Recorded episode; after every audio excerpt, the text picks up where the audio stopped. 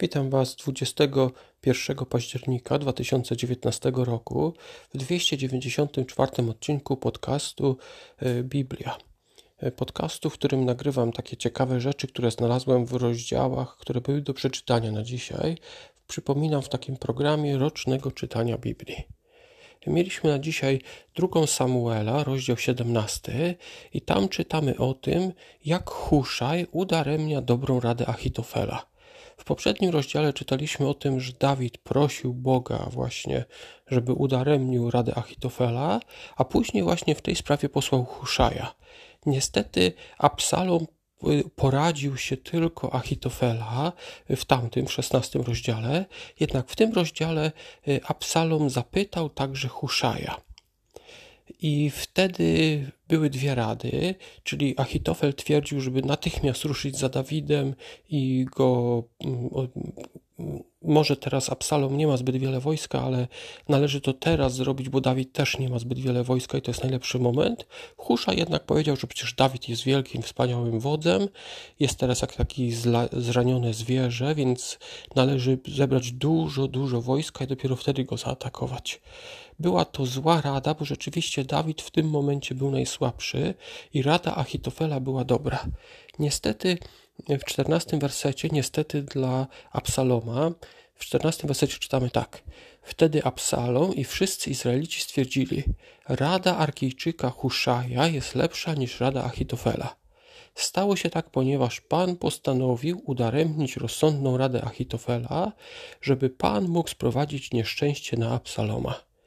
W Biblii często przedstawiono Boga jako tego, który pozwala złym ludziom popaść w takie e, złe zrozumienie czegoś. Na przykład tu jest kwestia zrozumienia, e, co, jak która rada jest lepsza. Lepsza była rada Achitofela, jednak e, to Bóg sprawił, zobaczmy, Bóg wysłuchał tej modlitwy, że Absalom i inni ludzie posłuchali rady Huszaja, którego przysłał tutaj Dawid. Achitofel chyba zdawał sobie z tego sprawę i właśnie w tym rozdziale czytamy o tym, że popełnił samobójstwo.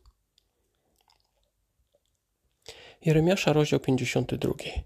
Mamy tutaj opis oblężenia Jerozolimy, potem ucieczki króla Sedekiasza. Niestety został on złapany i w wersecie 10-11 czytamy o karze. W Ribi król Babilonu zamordował na oczach Sedekiasza i jego synów, a także wszystkich judzkich książąt.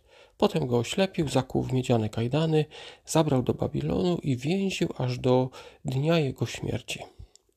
Tak więc y, król y, nie posłuchał proroka Jeremiasza i taka, taka spadła właśnie na niego kara. Y, drugi, druga księga, drugi list do Tymoteusza, rozdział pierwszy. Paweł przypomina Tymoteuszowi, aby był mężny. Co jednak znaczy to słowo?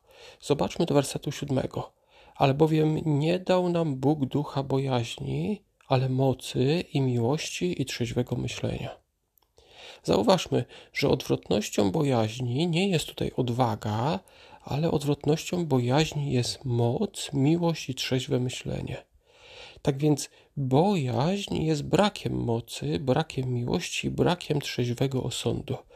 Chodzi tutaj o nie bojaźń w sensie tchórzostwo, tylko bojaźń w sensie zniechęcenia. Podobnie odwagę należy tutaj rozumieć jako odwagę, jako siłę do robienia czegoś. Jeżeli my mamy moc, miłość i mamy trzeźwe myślenie, to mamy także właśnie tą moc, czyli mamy tą taką biblijną odwagę. Księga Przysłów, 31 rozdział, versety 29 do 31. Czytamy tutaj o tej kobiecie Wdzięk bywa fałszywy, a piękno ulotne, ale kobieta, która boi się Jehowy, będzie wychwalana. Zauważmy, że my wychwalamy kobiety, mężczyzn też pewnie, za ich piękno, ale piękno jest ulotne.